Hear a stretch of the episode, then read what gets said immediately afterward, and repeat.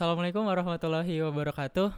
Ah, kembali lagi dengan Ane Fauzi Cahyama Ramadan, host Meet di Alumni. Dan eh, di siang hari ini ya, di kesempatan siang hari ini eh, Ane akan mengawali dengan sebuah pertanyaan yang unik nih ke narasumber kita, gitu ya. Eh, apakah ketika kita jadi seorang dokter gigi nih Bang ya, eh, apakah eh, apa namanya? eh, kalau misalkan orang tuh kan biasanya suka punya kelainan ya di giginya entah giginya renggang, ada gingsul dan sebagainya. Apakah itu menghalangi orang-orang untuk jadi dokter gigi, Bang? Gimana menurut Bang Irwan? Oh yang nggak menghalangi lah karena syarat untuk mendaftar Fakultas Kedokteran Gigi itu Anda lulus tes Oke. gitu iya. Jadi giginya ya nanti di perjalanan di bagaimana eh, perawatannya. Mhm. Karena syarat dari dikti nggak ada itu giginya harus bagus enggak gitu. Oke. Iya, jadi yang penting eh, punya kemampuan baik dari sisi eh, kognitif. Akademik maupun ya. dari sisi finansial Mhm. uh, cukup uh, dan bisa daftar. Jadi syaratnya yang pertama warga negara Indonesia gitu, yang kedua lulus SMA, Oke. yang ketiga benar-benar. daftar. Karena nggak mungkin jadi dokter gigi kalau nggak pernah daftar. mungkin jadi dokter gigi kalau nggak daftar. Iya, Benar gitu. banget, ah, gitu. Oke, eh, teman-teman semua, jadi di siang hari ini kita kedatangan tamu yang spesial juga gitu ya, narasumber yang spesial juga ada Bang Irwan ya, yang eh, hari ini eh, bakalan kita bedah juga nih gitu kan eh, profesinya sebagai seorang dokter gigi ya. Dan ada banting setir juga gitu Bang ya ke wirausaha eh, apa ke wira swasta kesehatan. Kemudian juga eh, beliau sebagai eh, sekretaris BSMI Provinsi Sulawesi Selatan. Bener Bang ya? Ya, betul. Oke, masya Allah. Dan eh, apa namanya nanti kita juga akan bedah nih sedikit eh, usaha beliau juga ya di klinik dan juga calories. Wah ini mantap banget nih. Eh, Oke, mungkin pertama nih bang ya. Eh, ya nggak afdol karena pertama Ani selalu nanyakan ini juga gitu kan ke semua pemateri. Bang Irwan apa kabar? I'm fine, thank you. Wah, Masya Oh, Allah. iya. Ya itu pertanyaan yang eh, karena Ade gak pernah ketemu sebelumnya gitu kan Mm-mm. sama Bang Irwan dan ini adalah satu kesempatan yang eh, luar biasa. Sekali lagi terima kasih buat kawan-kawan di Meet di Alumni ya yang mempertemukan Ani dan juga eh, semua alumni di Semansa Balikpapan dan mudah-mudahan eh, silaturahim kita nggak putus gitu Bang ya Ya. dan bisa banyak eh, jalin silaturahim lagi di kesempatan-kesempatan mendatang. Oke. Eh jadi ngomongin tentang Semansa nih Bang Mm-mm, Irwan ya mm-mm. karena kan kontennya meet di alumni dan kita ngomongin tentang alumni-alumni Semansa Iya, Balikpapan. Ah, Bang Irwan ini berarti alumni di tahun berapa Bang? Saya sebenarnya masih cukup muda ya. Saya alumni itu tahun 2004. Alumni 2000. iya, jadi masuk Semansa itu 2001 Mm-mm. eh dulu FKPM itu se secara struktur yang baik itu belum lahir gitu. Oh iya. Jadi sistem sistem kaderisasinya itu pada saat saya masuk di FKPM di tahun itu masih masih belum rapi. Jadi Hmm. makanya kalau teman-teman angkatan tarbiyah berapa gitu kan, Iya, saya nggak tahu angkatan berapa itu, angkatan nol kayaknya itu, angkatan satu ya, angkatan satu itu angkatan ya. satu kayaknya itu kayak gitu. Oh, Jadi eh 2004 lulus SMA. Hmm. 2000 masih muda kan? Iya. Alhamdulillah masih Ah, muda. ah, alhamdulillah jauh beda kok sama aneh. ah. Iya, masih muda. Karena dalam undang-undang kepemudaan tuh pemuda itu masih di bawah 40 tahun. Oh iya benar. Iya, coba tanya pengurus KNPI itu, Komite Nasional Pemuda Indonesia. Eh, Gitu. Bisa kita cek ya. Iya, cek aja gitu. Oke oke, berarti masih masuk usia produktif dan masih masuk usia-usia pemuda. Oh, pasti masih produktif Wah, lah gitu kan. Anak sudah dua kan mau dua ini jadi produktif gitu. Alhamdulillah anak mau dua, mudah-mudahan lancar lahiran Mm, bang ya. Amin. Oke, eh masih ngomongin tentang semansa juga nih bang. Berarti termasuk eh apa ya bahasanya awal-awal apa ya orang-orang awal-awal yang merintis juga gitu ya di di FKPM Semansa. Nah eh, selain itu gitu bang ya eh, dari bang Irwan sendiri pernah punya pengalaman yang seru atau unik atau mungkin pengalaman yang nggak bisa dilupain gak bang selama sekolah di Semansa tiga tahun di Semansa. Sebenarnya yang tidak bisa dinilai dengan eh, apa ya istilahnya kesan dan pesan tuh menurut saya tidak terlalu tinggi ya. Mm-mm. Artinya selama saya kuliah tiga tahun nih, eh kuliah sekolah, Sekolah. selama tiga tahun di Semansa, yang paling berkesan itu justru ketika eh, hidayah itu ketemunya pada saat masuk FKPM itu tuh. Ah, iya. Nah itu itu lebih baik dari dunia dan seisinya kan? benar benar. Iya, Setuju, setuju, ah, setuju. ah. Jadi kalau kesan pesan saya jatuh cinta ah, bullshit mah itu, Ah, ah, gitu kan, nggak penting, nggak penting gitu, nggak penting. Walaupun saya dulu katanya dikejar-kejar, tapi kan ya kejar-kejar banyak utang gitu. Oh dikejar-kejar utang. Kirain dikejar-kejar Ah, apa ya? gitu. Yang paling penting adalah ketika masuk FKPM tahun 2001, Mm-mm, waktu masih kelas 1 itu, kelas 1 SMA, eh, saya tidak sengaja terjerumus dalam majelis taklimnya yang dibuat oleh FKPM. Oh gitu. Oke. ah, terus saya ikut-ikut gitu kan karena mau ikut eh, eskul yang lain eh ternyata lebih cocoknya masuk di FKPM. Walaupun sebenarnya saya pada saat itu FKPM tuh masih nggak jelas gitu ekskul ini apa gitu kan. Iya. Tiap hari benar. Minggu, hari Ahad itu datang terus eh majelis taklim ceramah-ceramah gitu kan. Tapi dari situ sebenarnya dari situ eh, kemudian setelah dikaji lebih dalam ternyata itu sebenarnya yang jadi sumber eh, dari aktivitas-aktivitas FKPM yang sampai eh, saat ini yang setahu saya masih masih eksis sampai kemudian perluasan musola dan lain-lain. Iya, amin. Ya amin. karena semua dimulai dari majelis talim itu, kemudian ada pembinaan Iya, dan iya, benar. sebagainya, kemudian ada majalah gitu kan, Iya. kayak gitu. Nah saya dulu kan reporter majalah Senyum dulu. Oh, wow. ah, jadi dulu majalah Senyum setelah eh ya tahun 2003 atau dua, ya 2003 2004 kalau nggak salah dibuat itu ah, majalah Senyum. Jadi sebenarnya intinya kalau di FKPM itu yang paling bernilai adalah Anda mendapatkan hidayah untuk tetap kembali kepada mengenal agama Islam kembali. Jadi bukan sekedar formalitas. Iya, kan tahu sendiri kan godaan di Semansa bagaimana gitu kan, ceweknya bening-bening gitu kan. Uh, Luar biasa, gitu, luar luar biasa. Tapi dari situ kemudian kita eh, terjaga lah istilahnya. Ya mungkin dulu masih waktu SMP-nya masih jarang sholat gitu, kemudian dimasuk FKM, FKPM dapat lingkungan yang positif. Oh kita eh, kembali lagi gitu, mulai memperbaiki diri. Itu kan yang lebih bernilai gitu Iya, kan. benar, benar, Mm-mm. Kalau ketemu ini saya ketemu eh, cinta pertama nggak penting Eh. gitu. Heeh. Yang penting kan sekarang yang sekarang insya Allah cinta yang terakhir gitu. Wah, kan. Heeh. iya, Kebetulan sekarang ada istri saya ini yang mendampingi gitu kan. Wow. Mm. Soalnya saya sama istri nggak bisa saling jauh-jauhan gitu. Oh gitu. Heeh. Ini aja kalau kita tatap tatapan saya nggak terbiasa ditatap laki-laki. Aduh, aduh. Jadi Saya biasa ditatap mundur istri ya. gitu kan. Iya ya siap bang. Oke berarti ternyata em, kisah menarik di waktu SMA adalah ketika dapat hidayah gitu kan ya. Ketika dapat hidayah eh, dan gabungnya di FKPM Semansa waktu itu. Tapi sebelum ke situ apa nggak kepikiran gitu bang? Maksudnya kan banyak juga eh, ekskul-ekskul yang lain Iya, gitu loh. Apakah ha-ha. pernah terlibat juga di ekskul-ekskul yang lain selain daripada eh, Ya. FKPM Semansa? Eh, pernah eh, pernah terlibat di beberapa ekskul yang lain.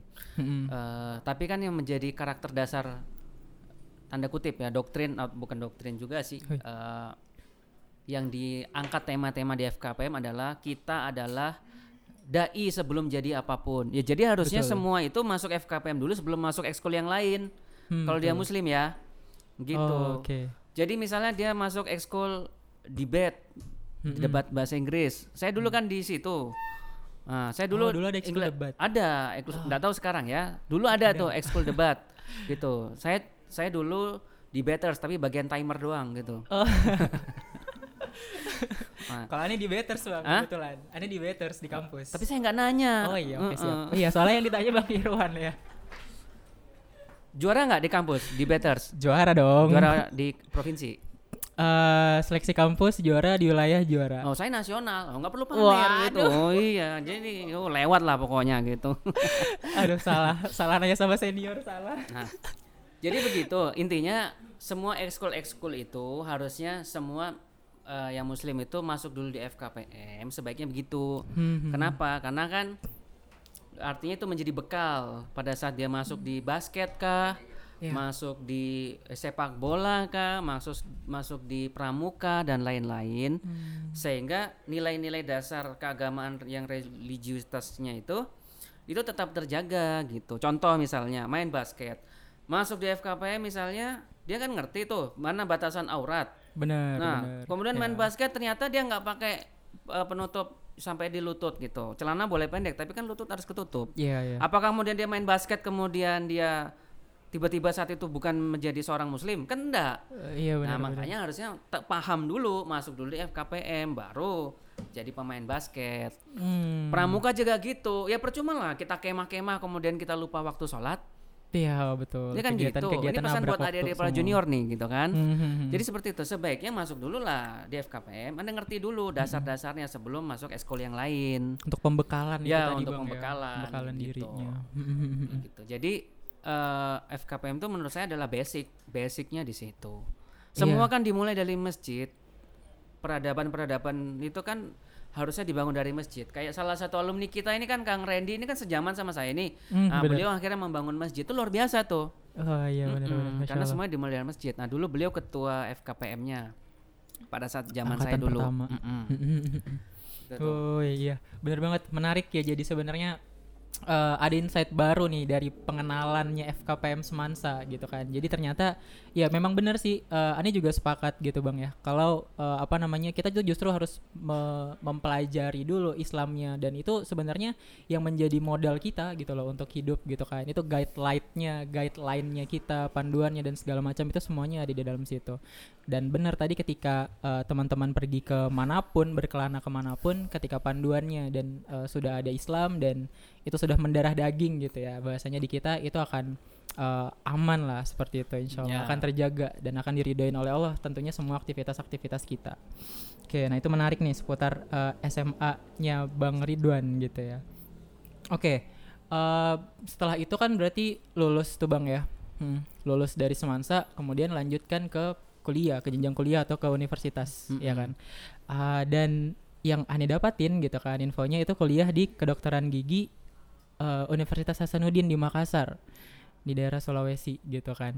Nah ini eh, menurut Ani juga unik gitu kan. Ketika aneh bahkan gitu ya dulu ketika lulus Semansa kepikiran buat kuliahnya nyarinya ke Jawa gitu atau mungkin bahkan kita mikir eh, putra daerah ya udahlah cari di Kalimantan aja misalkan kayak gitu kan. Nah ini apa yang membuat Bang Irwan itu justru kepikiran buat eh, nyari tempat yang jauh gitu loh di daerah Sulawesi gitu untuk melanjutkan studi.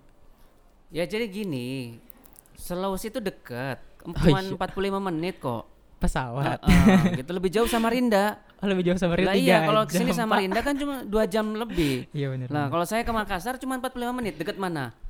Iya dekat ke Makassar. Oh, iya, dekat. Makassar kan, Iya, bagus iya. gitu. Mantap. Nah, jadi saya ke Makassar tuh deket, cuma 45 menit. Hmm. Nah, kenapa pilihannya pada saat itu ke Makassar? Sebenarnya dulu itu mau daftar di eh keperawatan. Oh gitu. Nah, saya ini daftar perawat ndak lulus.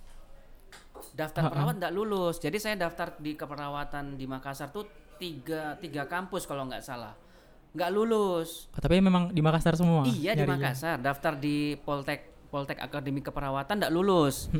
Daftar di Akademi Sandi Karsa kalau nggak salah nggak lulus juga.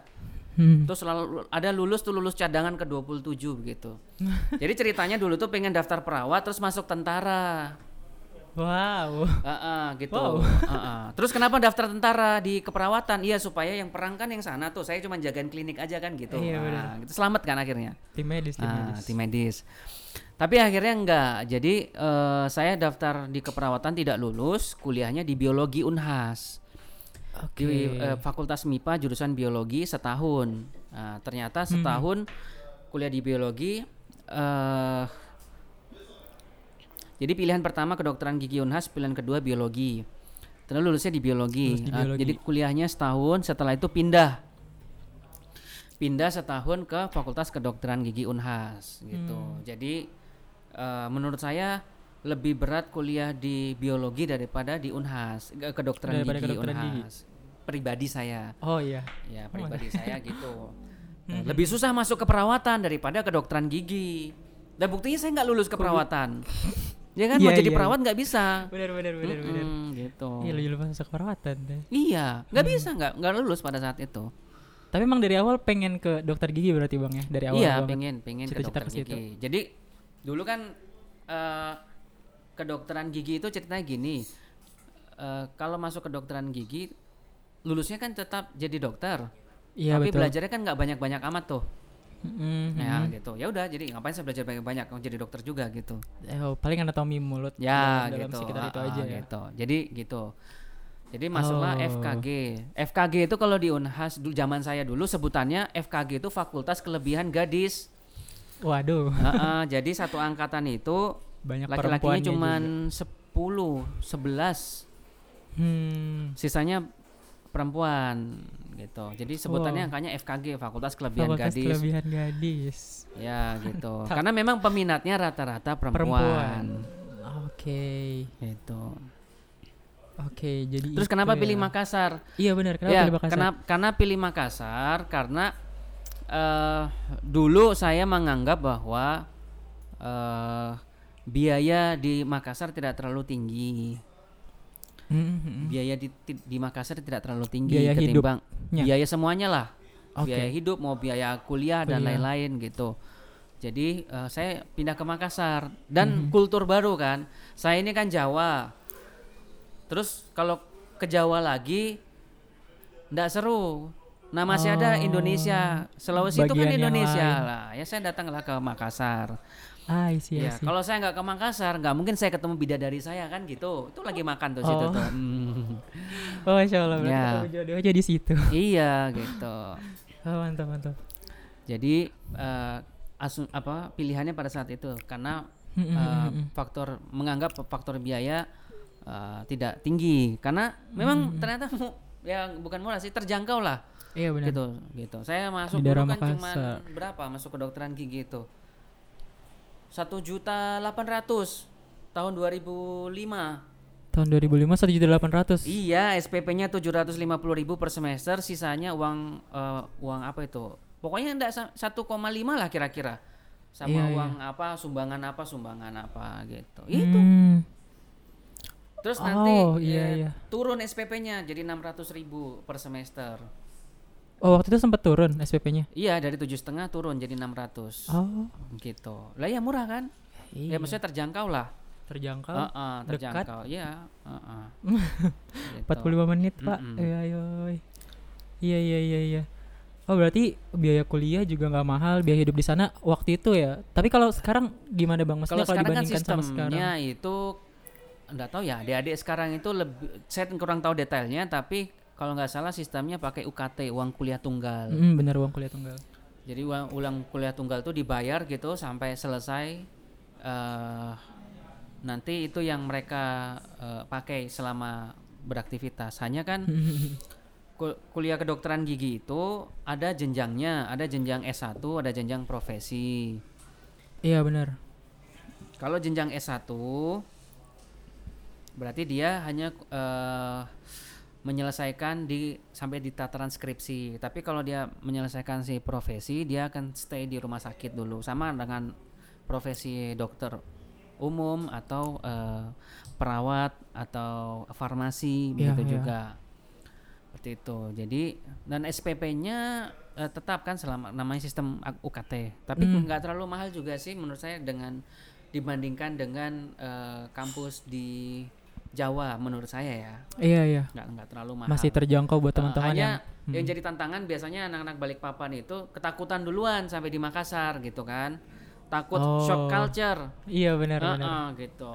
Shock culture duluan nanti di sana gimana gimana gitu kan. Iya. Gitu. Oh, Karena Makassar. banyak obrolan-obrolan orang di sana hidupnya dalam kutip keras gitu-gitu, Bang ya. Ya Barangkali ya.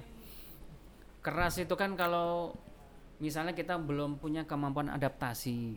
Hmm, hmm, Kalau iya kita nggak nggak beradaptasi ya keras gitu kan. Kalau enggak ya ya biasa saja gitu. Biasa Hmm. aja saya sudah berapa tahun tuh kemak 16 tahun mungkin di Makassar.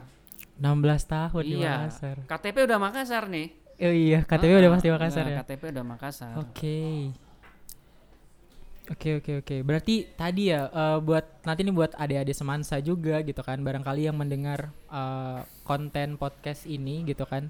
Eh, barangkali bisa jadi referensi gitu. Jadi nggak melulu kita juga ngejar di Jawa atau mungkin juga nyari-nyari di sekitaran eh, Kalimantan aja, tapi teman-teman juga bisa menelusuri gitu kan, menjelajahi kota-kota lain di eh, Indonesia gitu kan. Dan ternyata tadi kan versinya Bang Irwan eh, ternyata di sana pun gitu kan di Makassar ya di Unhas itu ternyata lebih terjangkau gitu bang ya untuk untuk biaya hidupnya gitu mungkin buat sebagian eh, teman-teman yang cocok gitu kan punya dana dan sebagainya bisa coba-coba juga barangkali daftar di sana gitu, Bang, Ya, cobain lah. Kalau anda pemberani datang ke Makassar. Wah, Nah, itu dia. Ditantang nih.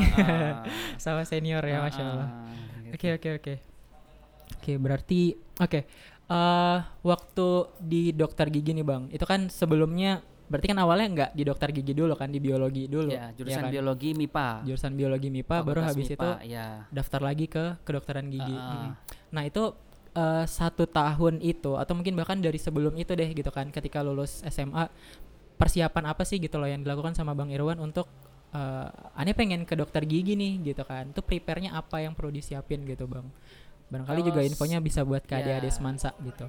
Kalau saya dulu gini, jadi kan gagal nih di tahun pertama. Hmm. Akhirnya saya sering jalan-jalan selama kuliah itu saya pulang ke kosan tuh lewat Fakultas Kedokteran Gigi. Oke. Lewat doang gitu kan, memantau situasi para mahasiswa dan mahasiswi tentunya kan gitu. Iya rugi kalau nggak ada mahasiswa dilihat. nah Iya, terus iya. sering ikut pengajian dulu di musolanya kedokteran gigi Unhas. Jadi sering-sering datang ke sana. Akhirnya eh, dari situ saya sudah mulai merasa itu kalau kita dalam dunia training-training itu disebut dengan law of attraction, Wih. Hukum ketertarikan. Jadi pada saat saya masih kuliah di biologi itu saya sudah membuat diri saya merasa sudah ada di Fakultas Kedokteran, Fakultas kedokteran Gigi. gigi. Oke. Nah, itu persiapan dari eh, personal, Hmm. feeling, positive feeling. Ya.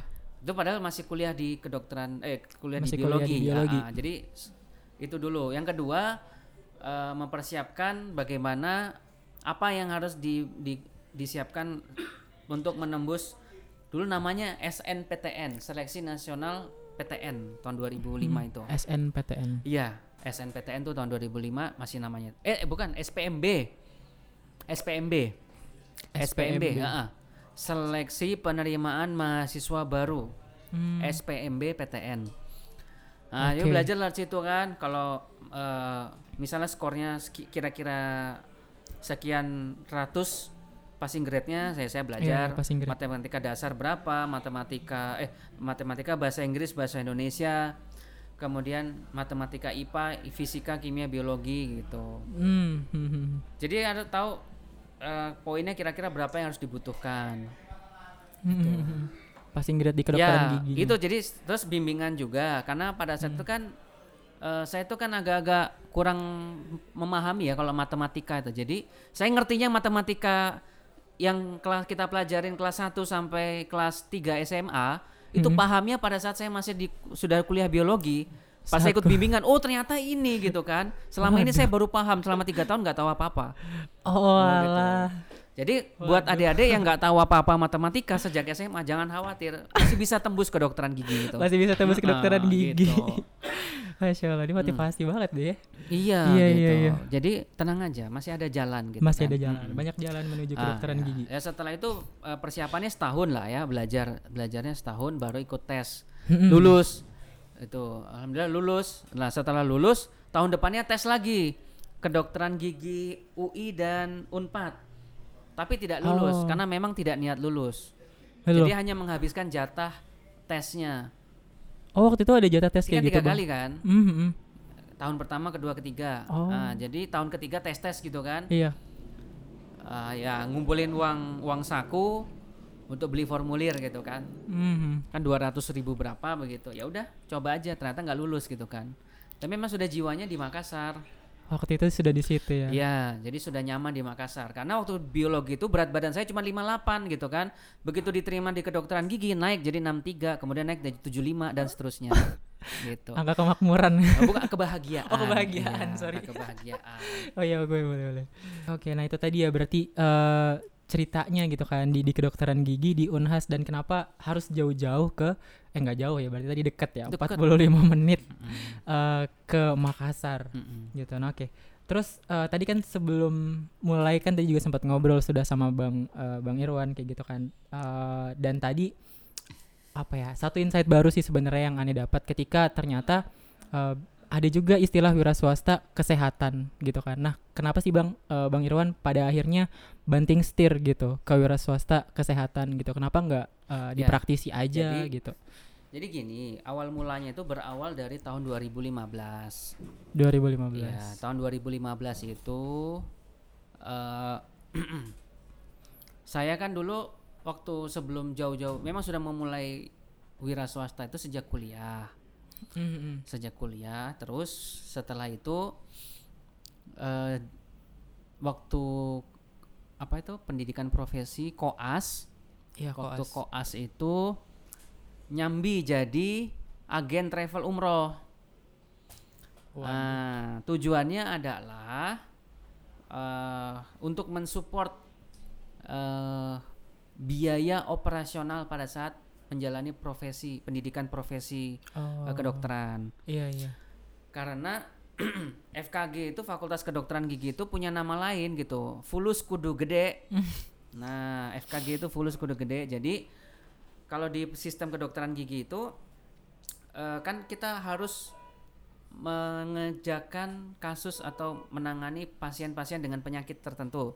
Betul. Misalnya dia eh, gigi palsu misalnya. Gigi palsu ini kan nggak semua orang mau langsung dipasang gigi palsu. Ah, Si mahasiswa ini mahasiswanya yang nyari Mhm. dan ketemu pasien belum tentu pasiennya punya uang gitu. Terpaksa Iya, kita yang bayarin gitu ya. Terus kalau kita yang bayarin kan gigi palsu itu kan nggak murah lah istilahnya, nggak nggak ya rata-rata walaupun rumah sakit pendidikan tuh cukup terjangkau, tapi buat kantong mahasiswa yang eh, mungkin dari sisi eh, finansial tidak begitu kuat, Hmm. maka harus mencari jalan lain. Nah, jadi pada saat itu saya nyambil lah jadi agen travel umroh sambil mendi- menempuh pendidikan kedokteran fa- profesi itu Oke. Ma- sambil koas itu. Nah, Hmm. kalau nggak gitu ya nggak selesai gitu iya. kan. Gitu. Kalau nggak gitu ya nggak selesai gitu. Nyari Karena setiap pasien. orang punya kondisinya masing-masing. Setiap mahasiswa itu punya kondisi finansial masing-masing. Iya. Itu kan tidak bisa disalahkan. ada kendalanya Gitu, masing-masing. ah. Jadi makanya kita harus mencari jalan. Nah, jalan yang saya tempuh pada saat itu adalah terjun ke dunia marketing, marketing travel umroh. Karena pada saat itu cash flow-nya yang paling cepat gitu kan. Oke. Nah, kalau biaya op- biaya operasionalnya kita sendiri kalau koas itu rata-rata sehari itu bisa 300-400 ribu per hari Per hari Bang ya. per hari gitu. Wow. Itu itu nggak kerasa gitu kan. Contoh misalnya transportnya pasien. Iya benar. Nah, kemudian eh, biaya pemeriksaan, terus biaya pembuatan dan lain-lain sebagainya. Terus pulangnya, makannya, Hmm. kayak betul. gitu. Belum macam-macam lah. Jadi memang nggak kerasa itu rata-rata 300-400 ribu per hari itu. Wow. Dan saya kan harus cari jalan, makanya saya sambil eh, menjadi agen travel. Hmm, travel Nah, agency. Setelah itu baru tahun 2015 ada seorang teman yang mem- yang lagi sekolah eh di Jawa, sekolah spesialis minta tolong ke saya. Tolong eh klinik saya tolong dibantu diurus dong soalnya sudah saya lagi ke, ke Jawa ini pendidikan. Oke. Nah, dari situ saya mulai belajar bagaimana mengelola eh, sebuah klinik. Hmm, hmm. Saya meng- me- meng- memanggil teman-teman ya, dokter untuk bekerja di dalam. Jadi saya sebatas manajemennya. Seperti itu Oh, iya. berjalan, kemudian sampai sekarang eh, modelnya seperti itu. Jadi teman-teman dokter yang kerja di dalam. Gitu. Saya di Iya. di bagian manajemennya. Manajemen. Ah, bagian manajemennya. Nah, terus tahun 2000 jadi sudah nggak aktif lagi sebagai agen travel umroh, apalagi pas covid ini kan, hmm. gitu. Jadi Iya, selesai sih. saya berakhir itu eh 2018 kayaknya terakhir itu eh, menjadi agen travel umroh. Artinya sudah fokus ke bidang ke bidang yang saya kuasai. Iya. Kalau dulu ikut travel umroh karena itu yang paling cepat menghasilkan. saat itu itu yang Iya, paling bisa membantu. Itu, iya, karena butuhnya cepet kan. Iya benar Bang. Ah, butuhnya cepat karena itu yang menghasilkan. Ya, ya dipikir sendiri lah kalau 400 ribu per hari sebulan berapa tuh, Iya, ya gitu kan. Per 12 Nah, juta. akhirnya saya masuk ke bidang eh, jasa, ke jasa layanan medik nah, dengan produk suplemen kesehatan dalam spesifiknya itu kelor.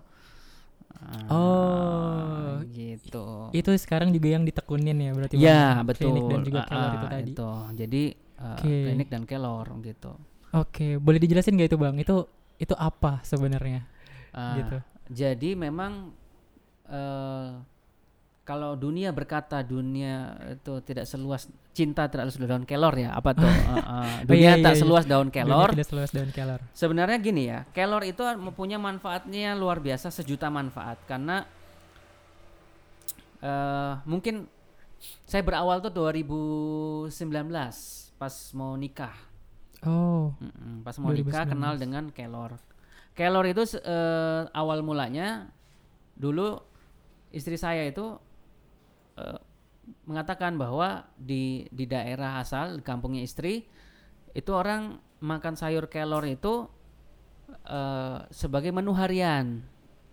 oh iya. Gitu. Terus saya saya bully lah ya gitu. Saya iseng, saya saya ejek. Oh dasar kelor makanan kampung gitu kan. Nah, ternyata dia dia ngomong enak aja makanan kampung. Kelor itu nutrisinya 17 kali susu Oh, eh, kalsiumnya. Kalsiumnya. Nah, saya kan oh mana ada, oh sok tak gitu kan, sok tahu gitu. Nah, terus setelah saya cari referensi-referensi, ternyata kelor ini diakui oleh WHO sebagai superfood untuk memberantas stunting atau kekerdilan apa gizi buruk. Gizi buruk Ah, benar-benar. buruk. Dan lagi pula kelor itu nanamnya nggak nggak susah-susah amat gitu, tancap tumbuh gitu kan. Oke. Nah, jadi kelor itu daunnya kecil-kecil memang. Jadi dunia tak seluas daun kelor, tapi manfaatnya berjuta manfaat. Bahkan waktu saya ikut pelatihannya itu eh, disebutkan bahwa bisa saja industri farmasi itu tutup kalau kelor itu ditanam di setiap rumah, bisa saja. Bisa saja. Iya.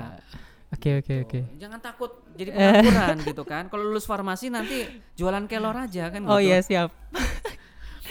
Jadi saya sampingan Iya. dong. Nah dari situ kemudian saya belajar dan ternyata banyak penyakit-penyakit itu solusinya bukan obat tunggal kimia sintetik, Iya benar benar benar banget. Iya kan? Mhm. Lah sekarang misalnya gini, DBD deh, demam berdarah, obatnya apa? Nggak ada, istirahat, makan yang bergizi kan gitu. Iya benar. Nah berarti kuncinya adalah di nutrisi. Hmm. Kuncinya di nutrisi kan, ya kan? Nutrisi. Nah, kelor itu yang tadi itu vitamin A-nya itu kalau saya ingat saya eh, tujuh kali wortel. Oke. Eh, belum lagi dia mengandung 32 jenis antiinflamasi. Loh kalau ibuprofen kan satu jenis. Satu aja. Eh, misalnya obat antiinflamasi itu anti radang. iya, iya. Hmm. Belum yang lain-lain sebagainya. Nanti teman-teman bisa cari sendiri lah manfaat kelor. Yang jelas kelor itu eh, dia sebagai the most powerful superfood on this planet. Gitu. Saya berani Wow. ngomong ini karena silakan tunjukkan kepada saya jurnal yang bisa membuktikan bahwa ada tanaman yang nutrisinya lebih dari kelor. Ah, apakah ada? Oh iya gitu. Nah itu kemudian Iya, saya iya, mulai iya. di situ dan saya mulai Ah. mengkampanyekan kelor. Makanya kami para alumni pelatihan disebut dengan keloris. Hmm. Kemudian saya menjual Klinik dan kelor. eh, produk-produk see. suplemen kelor gitu. Tapi apakah saya intinya adalah orang beli suplemen saya enggak? Kalau dia bisa nanam nanam sendiri. Hmm. Tanam tanam sendiri. Oke. Nah, gitu. Makanya saya lebih banyak eh, mainnya di situ. Hmm. Berarti bikinnya eh apa maksudnya bahan olahannya jadi suplemen aja kah bang atau Oh, itu- misalkan ada itu yang rahasia lain? dapur enak aja Oh, mau tahu. iya. kalau mau beli boleh dulu. dikasih tahu. Nah, kalau mau beli dulu. Oke oke oke oke. Eh, usaha Bang Irwan juga gitu kan yang terbaru yang hari ini eh, ditekunin gitu kan klinis dan juga eh, calories tadi Ya. gitu ya. Oke. Itu berarti udah udah banyak nih Bang buka cabang juga atau mungkin eh, Sementara i- carinya di mana gitu. Sementara ini masih difokuskan di Makassar dulu. Masih di Makassar. Iya. Kalau Hmm. untuk produk kelornya itu eh, sementara fokusnya di Makassar dulu. Oke. Ya, karena di sana bahan bakunya gampang. Hmm. Gitu. Sulawesi kan gampang tanam kelor. Kalau di sini kayaknya agak susah saya nyari daun kelor.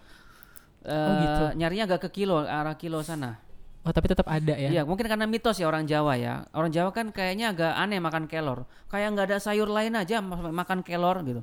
Padahal nutrisinya lebih banyak kelor daripada sayur yang lain. Oh.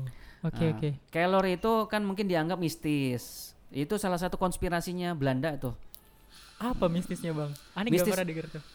Kelor itu eh, katanya dipakai untuk mandiin mayat di Jawa apa tuh Oh. ngilangin susuknya lah gitu, ngilangin ilmu-ilmu simpenannya. Oh. Gitu. Wow. Padahal Berdengar, sebenarnya memang memang memang secara metafisika iya. Karena itu bisa dibuktikan dengan alat ukur yang namanya Brewstonio frekuensi. Tapi nantilah kajiannya bukan di sini Oh ya. iya, oke, siap. Gitu. Eh, dicatat ya, teman-teman, kita bisa undang part 2 Ya bayar lah ngundang. Oh, cuman ngasih kopi, kopinya aja belum datang. Aduh, kopi tolong kopi. Oke. Oke oke. Ah jadi menarik ini ya ngebahas ngebahas eh, itu tadi dan ya ini kayaknya jadi kepikiran nih kayaknya eh, bisa merembet-merembet ke yang lain juga sebenarnya gitu loh. Oke, mungkin satu lagi nih Bang yang pengen Anip dalamin juga gitu dari dari Bang Irwan kan eh, tadi salah satunya juga sebagai seorang aktivis kemanusiaan gitu kan di lembaga BSMI di Provinsi Sulawesi Selatan. Oke, nah eh, barangkali nih buat teman-teman yang juga belum tahu gitu, sebenarnya bisa dijelasin gak sih Bang BSMI ini seba- eh, lembaga apa sebenarnya dan geraknya di mana Iya. sebenarnya? Ya, jadi BSMI itu kan Bulan Sabit Merah Indonesia.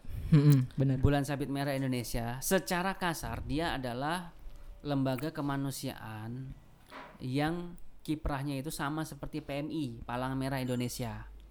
Oke. Saya kalau ngomong bicara ini takutnya jadi bawa materi sejarah lambang gitu kan. Padahal jadi gini. eh, Oh iya. Kalau kita waktu SMA pasti kenal namanya PMR. Betul. Sekarang pernah nggak kita bertanya kenapa kita pakai lambang palang merah?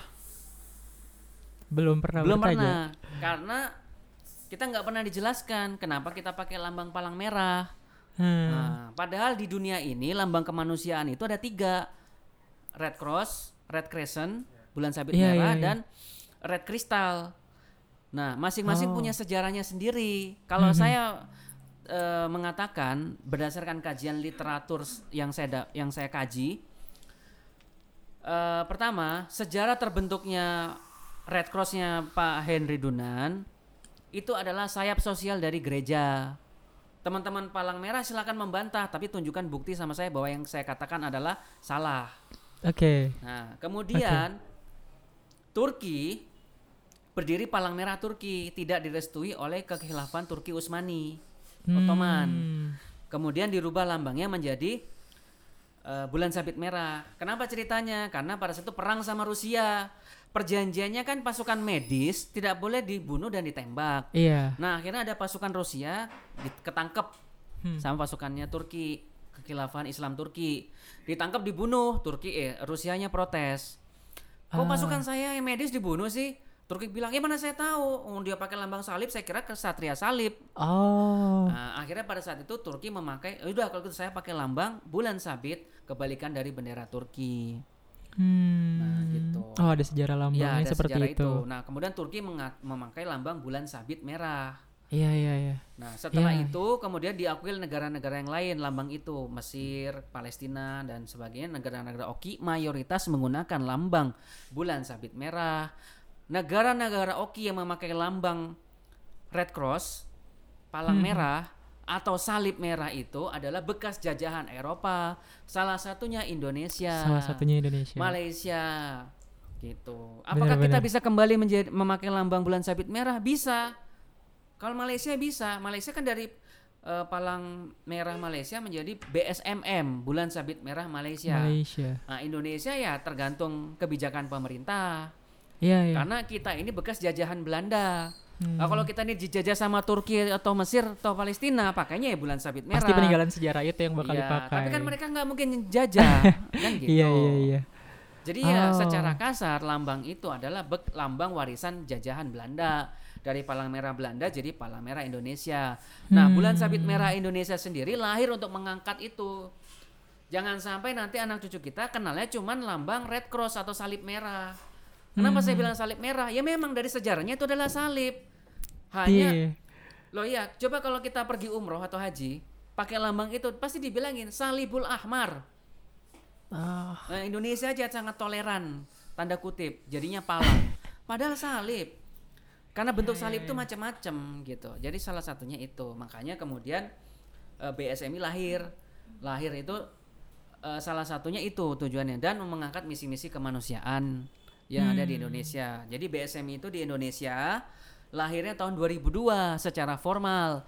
Secara informal lahirnya di Makassar. Oh. BSMI di Indonesia pertama kali lahir tuh di Makassar. Pertama kali ada di Makassar. Pertama kali ada di Makassar tahun 2000. Setelah Ah. pada saat ribut-ribut konflik Ambon itu loh. Mhm. Nah, tahun 2000. Oh ya pernah Nah. baca pernah baca. Terus di mana lambang bulan sabit merah pertama kali muncul di Indonesia? Tahun 89 di mana? Di kampus Universitas Muslim Indonesia di Makassar tahun 89. Yang pertama Oh. kali berani memakai lambang bulan sabit merah di Indonesia adalah kampus UMI. Pada saat itu Ah. kampusnya istri saya itu UMI. Karena pada saat itu rektornya almarhum Prof Basalamah pada saat ospek gitu kan, dia melihat itu di kampus, oh kenapa ada salib besar di kampus Islam gini? Akhirnya disuruh turunkan. Diganti Nah, kebijakannya gantilah jadi itu. KSR Korps Sukarelawan Bulan Sabit Merah Umi satu-satunya KSR di bawah PMI yang menggunakan lambang bulan sabit merah karena mereka kalau nggak pakai bulan sabit merah diusir sama rektor Oh iya iya. gitu jadi terpaksa pakai 89 tahun 89 Tapi itu akhirnya jadi keterusan dan awal mula muncul di daerah Makassar tadi Iya, berarti Bang ya. kemudian lahirnya bulan sabit merah pusat di Makassar mengirim tim medis ke konflik Ambon pada saat Oh, itu. oke. Jalan Panaikang itu markasnya dulu di situ. Nah, setelah itu tahun tahun 2002 lahir bulan sabit merah Indonesia yang berpusat di Jakarta. Hmm. Tahun 2005 merger antara kedua pusat nih Makassar dengan Jakarta. Iya. Nah, masing-masing merasa senior. Nah, akhirnya akhirnya merger. Jadi yang di Makassar menjadi bulan sabit merah Indonesia cabang Makassar. Cabang Makassar. Tahun 2012 menjadi bulan sabit merah eh, Provinsi Sulsel membawahi cabang-cabang kabupaten di eh, Sulawesi Selatan. Oh, Oke. Nah, Kalau aktivitasnya sama, sama dengan hampir mirip, hanya tidak boleh BSMI tidak boleh eh, menyelenggarakan donor darah secara langsung, karena Hmm. dalam eh, peraturan perundangan itu yang boleh menggelar donor darah hanya eh, rumah sakit, unit transfusi darah pemerintah, Oke. eh, Pemprov kalau di Makassar tuh ada UTD namanya UTD Pemprov Sulsel atau PMI. Iya iya. Ah itu iya. itu hanya itu. Jadi kalau BSMI mau bikin donor darah dia harus kerjasama dengan tiga institusi ini, mau rumah sakit kah, UTD kah, atau PMI. Atau ke PMI-nya. Apakah BSMI bekerja sama dengan PMI? Ya sering gitu kan. Hmm, Hanya permasalahannya beda lambang gitu kan. Gitulah. Sekarang Iya kan iya. teman-teman medis itu kan saya tanya nih, yang puskesmas saya tanya, kamu mau nggak risih pakai lambang salib hijau gitu?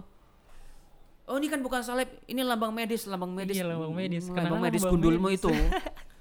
Oh ternyata ada sejarah itu. Iya. Yang oh iya iya iya. Jadi lambang itu lambang lambang salib ya saya bilang, saya bukan bukan sara enggak sejarahnya gitu Hmm, gitu sejarahnya gitu. Nah sekarang gini ya kalau bukan itu terkait dengan masalah ideologi, kenapa Israel menolak menggunakan lambang Red Cross atau Red Crescent? Kenapa dia menolak menggunakan lambang palang merah atau bulan sabit merah? Ya karena dia negara Yahudi kan, Hmm, hmm. makanya Israel pakainya lambang kristal merah, lambang Hmm. yang eh, bentuk kristal, Bentuk eh, kristal. belah ketupat itu. Iya iya gitu. kayak wajib. Hmm, bener. Gitu. Iya, iya, iya.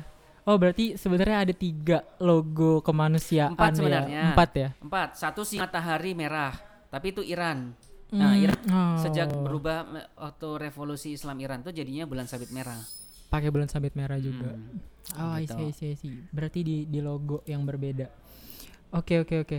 Oh, iya, menarik nih berarti Bang. Aneh baru tahu juga gitu loh. Maksudnya ternyata ada sejarah eh, dari penggunaan lambang-lambang itu, bahkan juga ada sejarah dari eh, si institusinya itu sendiri tadi gitu ya di BSMI. Karena eh, ya beberapa dosen aneh di kampus pun juga ada yang terlibat gitu di eh, di kegiatan-kegiatannya BSMI. Sempat juga waktu itu diajakin, cuman kan karena ya belum terlalu kenal gitu kan. Jadi masih belum berani terjun langsung gitu.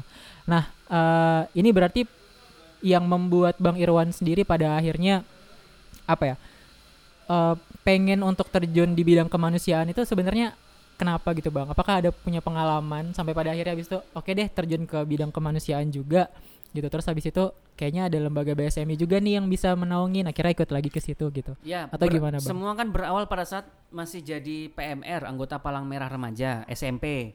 oh di SMP, SMP dulu. Nah, di SMP kan di Balikpapan. Saya itu bertanya dalam hati. eh, kan ada di- kalau di itu International Federation of Red Cross Red Crescent, Hmm, hmm. Federasi Palang Merah dan Bulan Sabit Merah Internasional. kenapa Indonesia memakai lambang nggak memakai lambang bulan sabit merah aja gitu? Kan Iya. pertanyaan saya gitu. Eh, saya terus terang pada saat itu SMP, walaupun belum mendapatkan hidayah ya dekat sama agama gitu, tapi saya itu bertanya Sudah dalam hati gitu kan. Saya itu. risih kok kayak model salib gini, tapi selalu didoktrin ini bukan salib. Ini Iya. adalah kebalikan dari bendera Swiss. Lah bendera Swiss itu adalah benderanya Kekaisaran Katolik Jerman Hmm. gitu. Nah, itu sejarah. Jadi saat itu saya kemudian eh, SMA tahun 2003 eh tahun 2003 muncul bulan sabit merah Indonesia di Balikpapan di Ibnu Sina.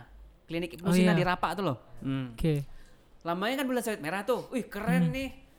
Nah, saya terus mencari mencari mencari lulus lulus kuliah nyari belum ketemu di mana ternyata pusatnya eh, pen- penyebarannya dulu ada di Makassar. Waktu itu di Makassar ya. Makassar. Jadi saya ikut bergabung di situ eh dan memulai menjadi pengurus, ikut kegiatan kemanusiaan sana sini, eh, banjir, sunatan massal, gempa sana, gempa sini gitu kan. Hmm.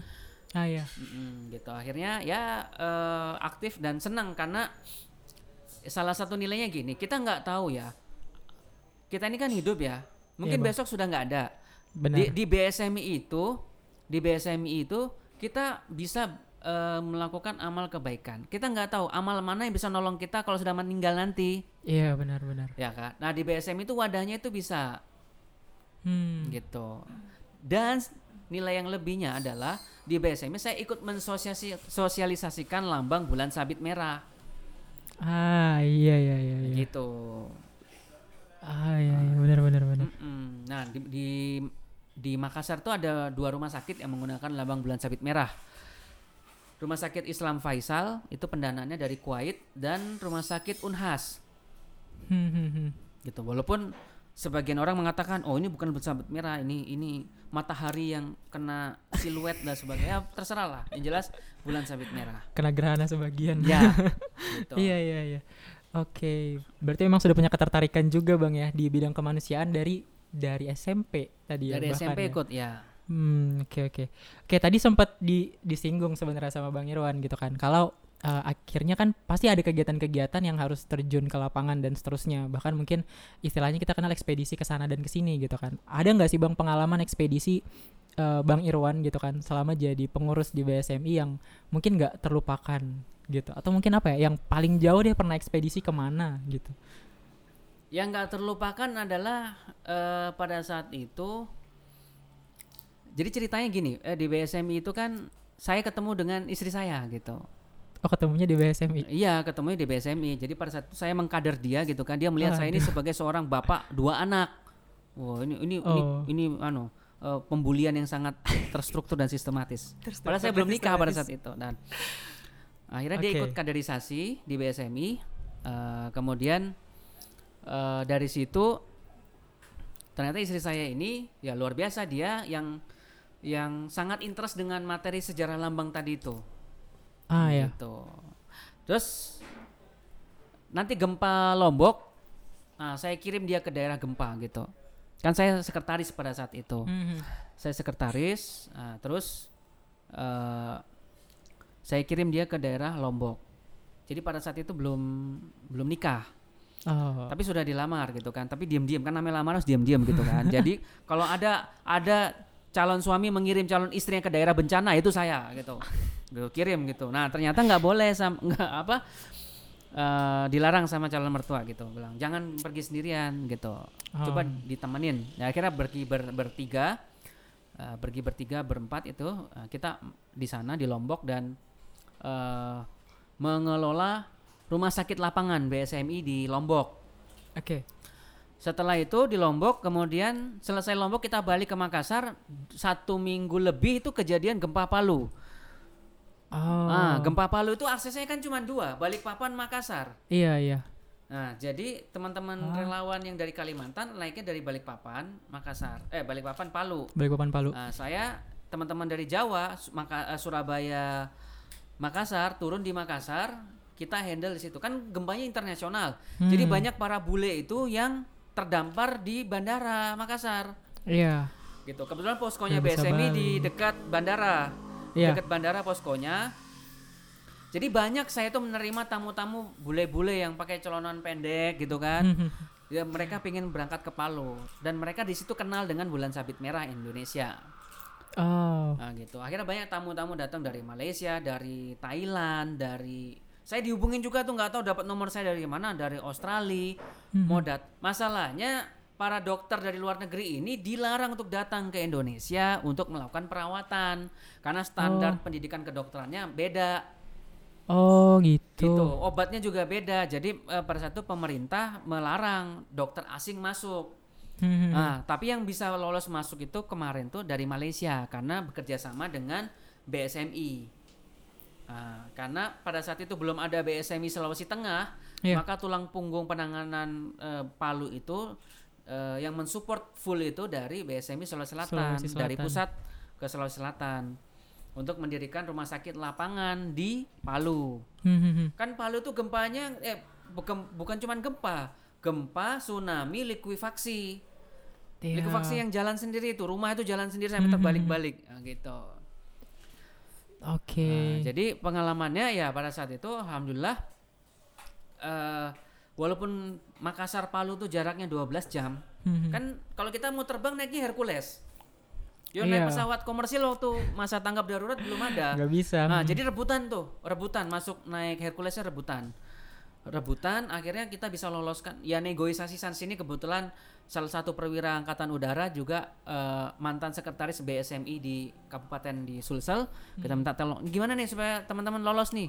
Nah, akhirnya bisa lolos, dijadwalkan naik Hercules eh, berangkat tiba di Palu. Tuh, Di Palu baru kita membuat eh, membangun rumah sakit lapangan. Nah, Oke. saya nanti pergi ke Palu sudah reda masa tanggap darurat karena saya di, bertugas untuk menjaga markas Komando 01 Sulawesi Maluku Papua BSMI.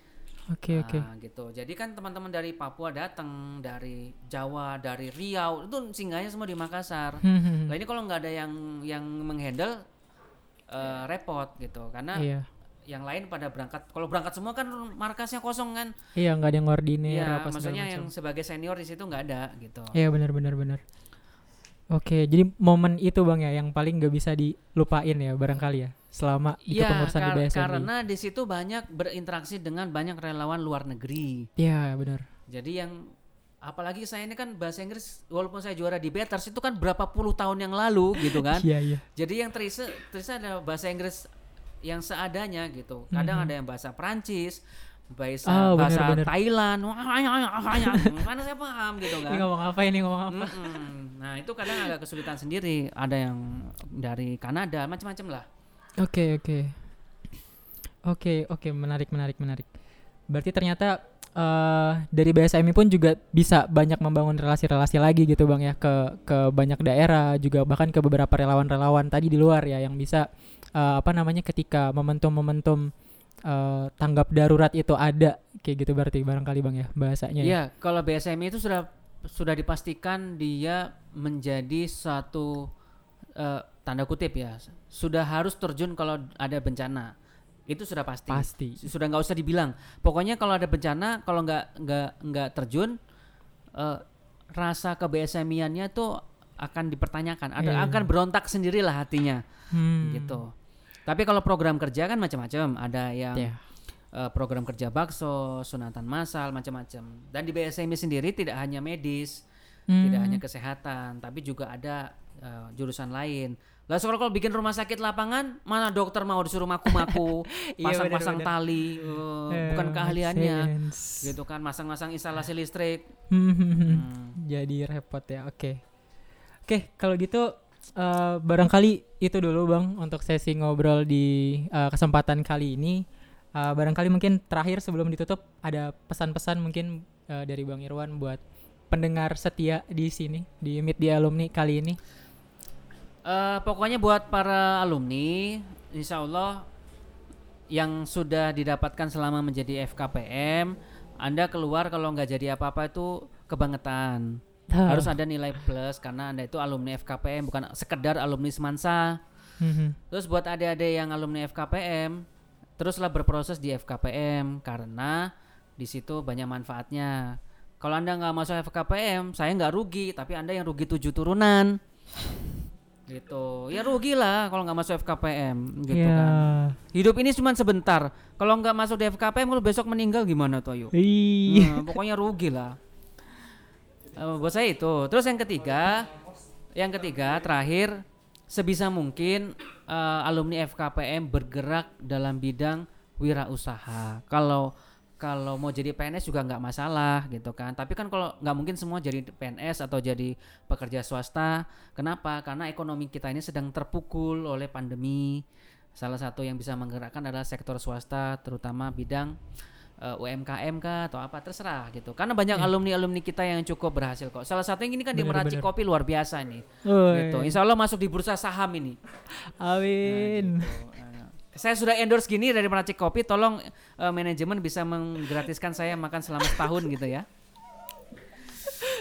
Oke oke siap. Eh, Oke kalau gitu terima kasih banyak Ya, sekali lagi oke. Bang Irwan karena sudah eh, mau menyempatkan waktunya sharing sama kita juga di kesempatan kali ini.